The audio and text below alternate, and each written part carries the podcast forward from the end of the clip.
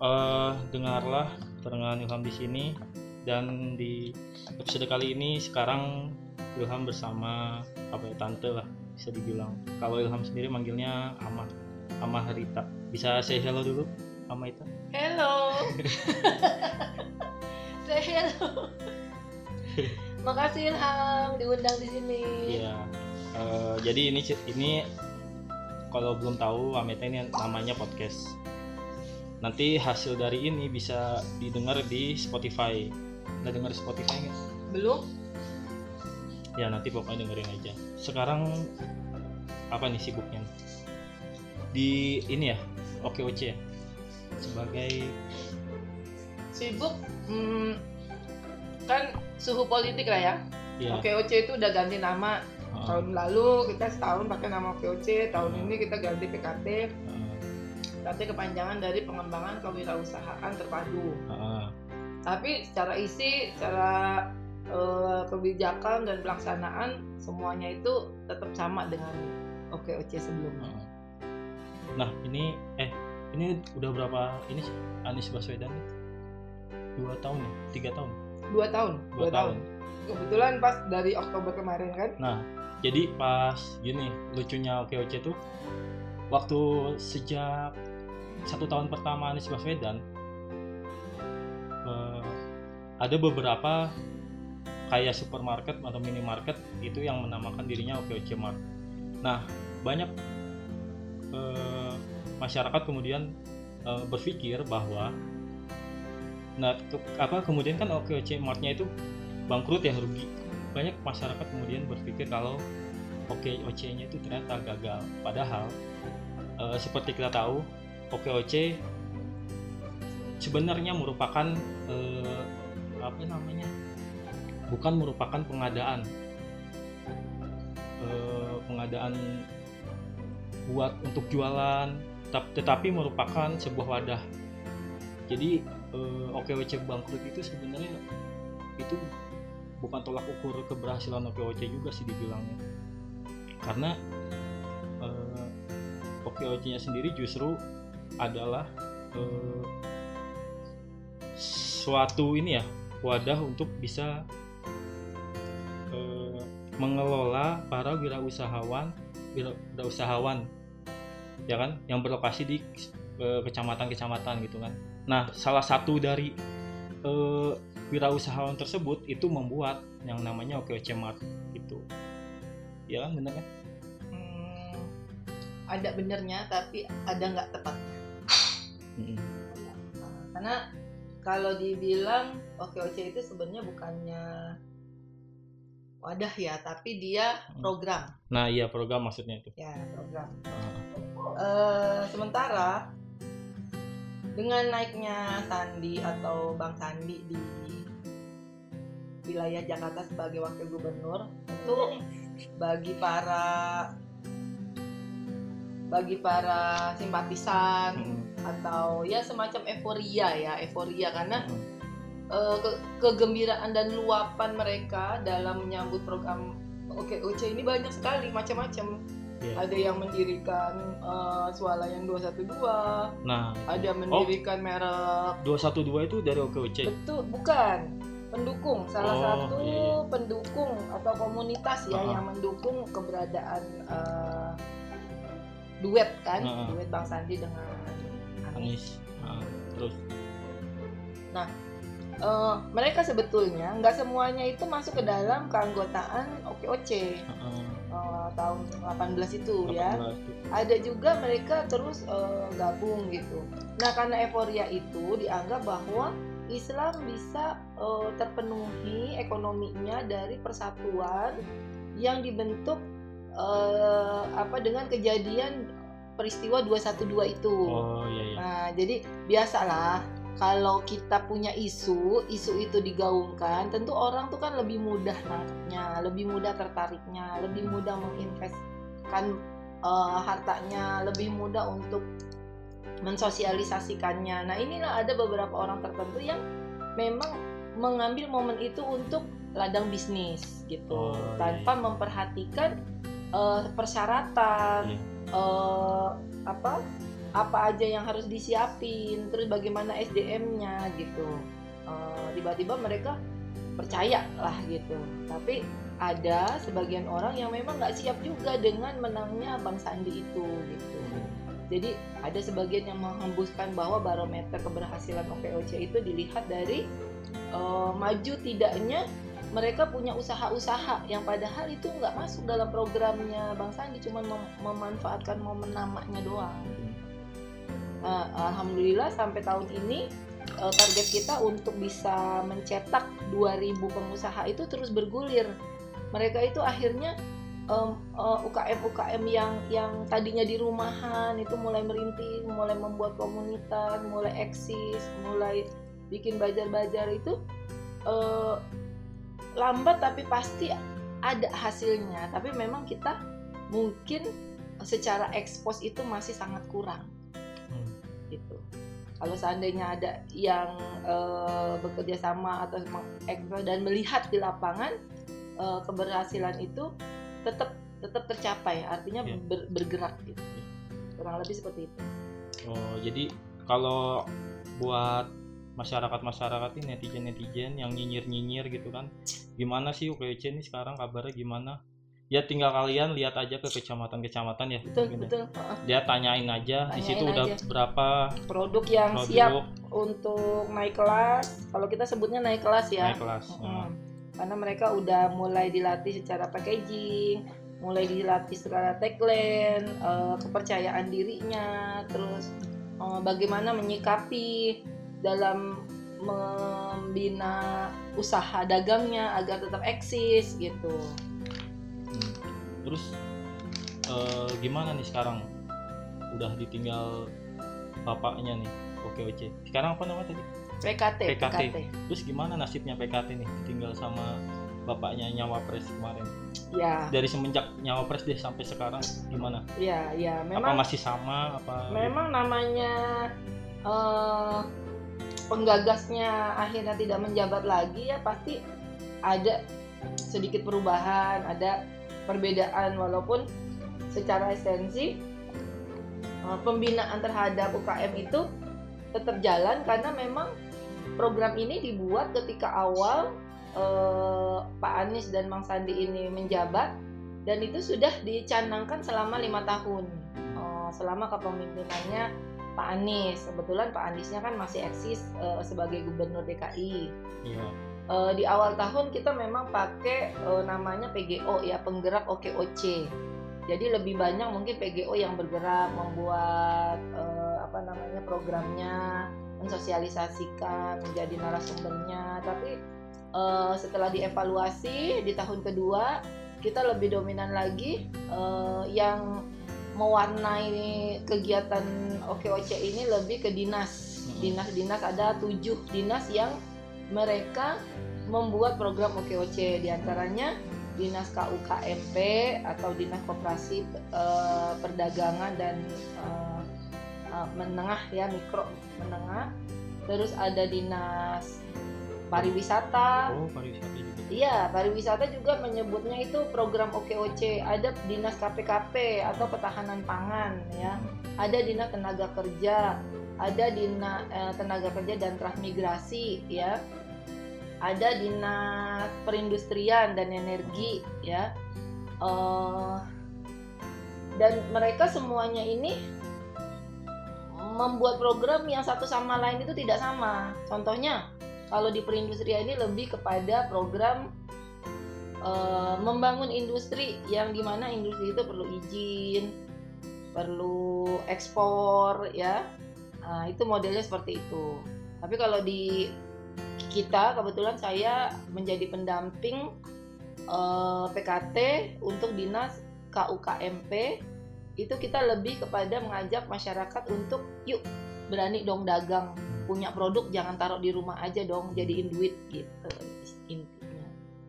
Eh, jadi harus kalau mau misalkan orang nih mau ikut bergabung nih itu harus punya produk dulu atau dia nggak punya produk tapi pengen cuma pengen niat wira, jadi wirausaha boleh nggak kayak gitu? Kita membagi tiga kategori untuk peserta. Hmm. yang pertama adalah eh, ingin bekerja yang kedua eh, pemula ya. Yang ketiga naik kelas. Nah kalau yang ingin bekerja ini berarti dia memang eh, semacam reseller aja. Karena dia tujuannya cari duit gitu nggak memproduksi. Nggak ini. Artinya mereka yang nggak punya apa pun ya eh, niat mau usaha itu udah masuk kategori peserta Hmm. kita gitu. Terus yang kedua, mereka pemula. Pemula itu artinya, wah saya nih eh, pengen ikut dulu nih pelatihan itu karena saya udah punya rencana mau bikin usaha kuliner misalnya. Padahal dia belum punya Belum tempatnya, punya, belum punya ininya, tapi dia udah punya wacana. Nah ini disebut sebagai pemula. Oh. Nah yang naik kelas itu adalah mereka yang sudah melakukan usaha, Hmm, tetapi masih stagnan. iya. Artinya mereka kan pasti akan naik dong, nggak begitu aja gitu. Jadi kita tiga kategori dan siapa pun mereka asalkan ber-KTP DKI. Ingat ya KTP DKI. Oh. Tanpa KTP DKI, maaf, Oh, kami bukannya pilih kasih, tapi ini program DKI. Iya. Kalau orang Jawa Barat mau berbisnis di Jakarta, ya minta ke Ridwan Kamil dong, nggak usah ke Anies Baswedan. Nah itu percuma dong ada gubernurnya kalau masih nebeng-nebeng ke Jakarta. Eh, jadi ya itu sih. Jadi eh, nggak nggak boleh ya berarti ya dari luar terus. eh, Kalau dari Malang KTP DKI boleh karena secara domisili berarti dia orang Jakarta gitu. iya kalau kalau maksudnya kalau yang penting kan KTP-nya Yo domisili ke mana? Iya. Tapi ini terkait juga sama eh, izin usaha atau IMK ya kan kita mengeluarkan setiap peserta itu kita kenal namanya tujuh pas. Mas Ilham udah pernah deng- denger belum kalau OKOC atau PKT itu pasti image-nya itu tujuh pas. Wah tujuh pas apa nih? Biar Aduh. para pendengar juga tahu nih. Aduh, main-main dong ke kantor kecamatan Iya, biar iya. tahu nih kecamatan DKI. Main-main tuh guys Ah, makanya. Jadi kita Apa tuh aja tuh? ada tujuh pas ya programnya. Oh. Tujuh pas itu singkatan pasti akan sukses. Hebat nggak? Dari tujuh langkah aja kita akan sukses kalau kita ngikutin karena eh, program ini dibuat dari mereka-mereka yang sudah sukses dan mereka membuat rumusnya. Oh ternyata untuk sukses ini rumusnya ini loh. Yang pertama itu adalah pendaftaran. Jadi daftarkan diri Anda bawa KTP dan KK yang difotokopi eh, beserta form pendaftaran. Nanti nama Anda akan dimasukkan ke dalam eh, aplikasi kami. Apa Ah. aplikasinya? Aplikasinya itu ya ini masih PKT. PKT ya. Iya, Jack Evo ya, Jack Evo. Itu nanti eh, biar mereka tuh yang udah ikut dinas kita ya udah jangan semua tujuh dinas itu diikuti karena satu orang punya kesempatan hanya memasuki satu dinas aja. Eh, yang kedua adalah pelatihan. Pelatihan ini kita buat untuk mereka semua yang sudah mendaftar, kita undang dan akan mendapatkan satu kali pelatihan itu tiga narasumber. Satu orang itu berkesempatan mendapat tiga hari pelatihan. Dan itu semua gratis ya. gratis. Ada snack makan siang modul narasumber.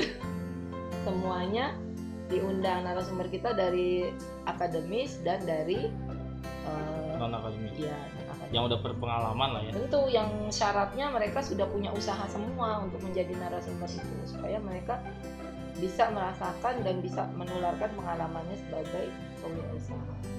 Yang ketiga itu adalah pendampingan, ya. Eh, Setelah kita ada ikut pelatihan, kita ikut pendampingan. Jadi kita biasanya survei, kita sebagai pendamping ini lihat apa bu usahanya, apa permasalahannya. Jadi kalau orang hamil itu kan ada mules-mulesnya, ada Iya. sakit-sakitnya. Nah ini deh konsul ke kita gitu. Nanti biar kita catat, kita lihat, eh, mungkin kita bisa kasih solusi gitu. Nah keempat itu adalah eh izinan, perizinan. Jadi setelah usahanya layak, misalnya seperti eh, usahanya itu memang bikinan sendiri, terus setiap hari memang sudah membuat, bisa berjualan. Nah, tinggal kita urus izinnya, pengusaha itu membuat eh, berkas-berkasnya dan eh, mengumpulkan kepada kita kita yang akan membawanya ke kelurahan nanti setelah jadi kita akan undang lagi panggil dan kita serahkan izin usahanya izin usaha ini juga tergantung tempat. Ada yang namanya zona ada zona hijau berarti tidak boleh melakukan usaha di zona itu. Ada zona ungu berarti zona ungu itu bebas rumah kita itu sebagai tempat usaha atau tempat produksi. Oh, yang itu yang iya. yang dilarang itu? Yang dilarang itu zona hijau. Baru dari bayi di zona hijau. Jadi kita nggak boleh bikin eh, izin karena rumahnya itu nggak boleh dipakai buat produksi apalagi buat bikin toko itu nggak boleh. Makanya biasanya kalau mau usaha itu eh, cek dulu izin usahanya sebelum bangun. Atau misalnya kita mau mau nyewa ruko nih cek dulu di PTSP ini rukonya masuk jalur apa hijau ungu apa kuning. Kalau kuning itu kalau untuk yang kecil-kecil boleh tapi untuk usaha yang besar itu nggak boleh makanya eh, cek dulu tempat usaha kita. Apalagi kalau beli rumah beli ruko. Nah itu hati-hati. Zonanya kita masuk mana. Jangan sampai rumah kita jadi nggak bisa untuk tempat produksi. Yang kelima itu adalah pemasaran. Pemasaran di sini eh, kita bantu dengan membuat bazar-bazar gratis. Kita siapin tenda kita siapin meja listrik lampu. Eh, selama tiga hari berturut-turut mereka boleh bazar dan tidak dikenai biaya atau eh, ada di instansi misalnya di kecamatan atau di kelurahan mereka setiap Jumat itu bikin bazar eh, dengan waktu yang pendek tapi lumayan gitu. Karena biasanya ada kegiatan senam ada kegiatan eh, apa namanya seremoni gitu. Itu biasanya kita diundang untuk memilih siapa nih yang bisa diajak belajar. Itu P5-nya P6-nya itu adalah laporan keuangan kan ada ibu-ibu ya banyak kan kita kalau bangsa disebut eh, kaum emak-emak gitu. Iya. Emak-emak ini kan dagang juga ngurusin rumah juga ngurusin anak juga. Akhirnya dia nggak ngerti deh saya dagang nggak ada untungnya saya dagang kok duitnya minta lagi minta lagi sama suami. Karena biasanya mereka tidak membuat laporan keuangan. Padahal laporan keuangan ini selain bertujuan untuk mengetahui income dan keuntungan yang kita dapat juga menjadi barometer apakah usaha kita sehat atau enggak karena kalau usaha kita sehat kita beralih ke P7 yaitu permodalan. Kan sistem pinjam tanpa agunan melalui bank DKI itu kira-kira tujuh pas yang uh, menjadi acuan dan patokan kita dalam membuat program PKT Eh, produk dan jasa ya? Kalau jasa boleh juga? Kalau jasa untuk sementara travel belum. Kalau laundry juga agak-agak gimana ya nggak terlalu. Tergantung PTSP kelurahannya. Jadi kita lebih ke produknya. Kalau jasa masih kayak bengkel motor itu belum bisa. Oh. Karena dianggap itu apa ya eh, bukan satu ya produksi. Kita lebih ke produksi. Lebih ke barang-barang jadi. Atau perdagangan. Masih masih bisa izin aturannya apa aja? Produk-produk yang yang boleh dan tidak boleh? Aturannya itu eh, kalau untuk kita kan ada namanya kurasi ya. Ah. kurasi itu kan berarti eh, ada kurator yang diundang dari Sudin atau suku dinas KMP untuk melihat produk kita nih udah standar nggak? Standarnya itu bagaimana? Hmm. sebuah produk itu dia harus punya eh, nama usaha eh, lengkap perizinan tanggal kadaluarsa kalau dia kuliner eh, bahan-bahan yang terkandung di dalam eh, produk itu. Ah. atau kalau yang makanan awet itu juga harus ada izin PRT. Nah dari situ nanti dilihat secara kemasan. Kemasannya itu eh, rapi nggak menarik nggak warnanya sesuai nggak. Kalau memang semuanya terpenuhi ada grade-nya. Ini masuk grade A, B atau C. Kalau grade A itu yang terbaik semakin ke, ke- ini tuh eh, ke bawah berarti. Nah kalau kalau udah masuk kurasi biasanya ada kegiatan-kegiatan eh, di balai kota, bazar atau apa. Eh, kan kita bisa tahu bahwa produk UKM kita itu udah udah oke gitu. Eh, dan bisa diundang ya. Eh, dan ada ada ini permintaan dari Pak Anies sendiri. Biasanya kalau Pemda itu kan pakai usaha eh, catering atau snack itu kan ngambil dari luar nah sekarang kita punya PKT anggotanya itu satu kecamatan bisa lebih dari seribu. Eh, itu nanti yang terbaik kita masukkan katalog. Jadi 10 kecamatan untuk wilayah Jakarta Timur doang itu nanti eh, disusun. Eh, ini yang produk snack box siapa produk ini siapa yang nantinya. Kalau eh, Pemda atau Balai Kota atau siapa pun yang terkait dengan struktur bisa menggunakan jasa para anggota PKP. ya di pause dulu ya Eh, azan dulu break. Oke deh. oke lanjut lagi ya Eh, diskusi yang tadi Hmm, terakhir tuh syarat-syarat produk di OKOC ya terus berarti harus ada sertifikat halal nggak? Oh, itu menaikkan grade UKM kalau udah dapat sertifikat. Kita ada sertifikat halal, sertifikat eh, keamanan pangan, sertifikat izin usaha. eh, bukan maksudnya yang akan Disiapin. akan di oh disiapin disiapin, tapi ada momen tertentu. Misalnya eh, kayak PRT itu dua kali dalam setahun. Nah, nanti siapa yang bisa ikut ada gelombangnya. Kalau halal itu sekali aja dibuka gitu. Jadi mereka yang siap, mereka yang udah langsung eh, dengar infonya, mereka yang daftar. biasanya. berarti jual babi nggak apa-apa boleh? Eh, kan itu MUI, MUI yang mengeluarkan. Kalau kan Ah, berarti secara syariat Islam. ah. tapi kalau secara OKOC nih dijual gitu ditawarkan produknya boleh nggak? Dijual. Kalau minuman keras kan sudah jelas nggak boleh. Rokok segala macam kan nggak boleh. Tapi kalau kayak gitu masih gini masih diperhitungkan? Enggak lah. Udah nggak boleh? Nggak boleh berarti ya? Jadi dia nggak ada sertifikat halal tapi dia kalau dia memang memproduk itu dan punya konsumen Hmm. ya boleh aja. Karena tidak menyalahi dia punya konsumen sendiri. Hmm. Tapi dia tidak mendapat halal. Iya. Ya jelas dong tidak ada babi halal. Iya dong gitu. Halalnya buat yang menghalalkan. Oke terus eh, nah nah berarti OKOC sekarang serba ini ya digital melalui aplikasi semua. Kalau apa apa bisa kalau digital itu zaman bukan OKOC-nya Mm-mm. Eh, artinya kita eh, menginput data membuka membaca data yang tersimpan atau apa ya kita pasti digital. Karena kan kita juga punya program programmer sendiri ya IT lah ahli IT yang mengurus itunya. Tapi kalau untuk pendampingan pengawasan tetap kita manual. Kita menuju ke rumah-rumah mereka melihat produknya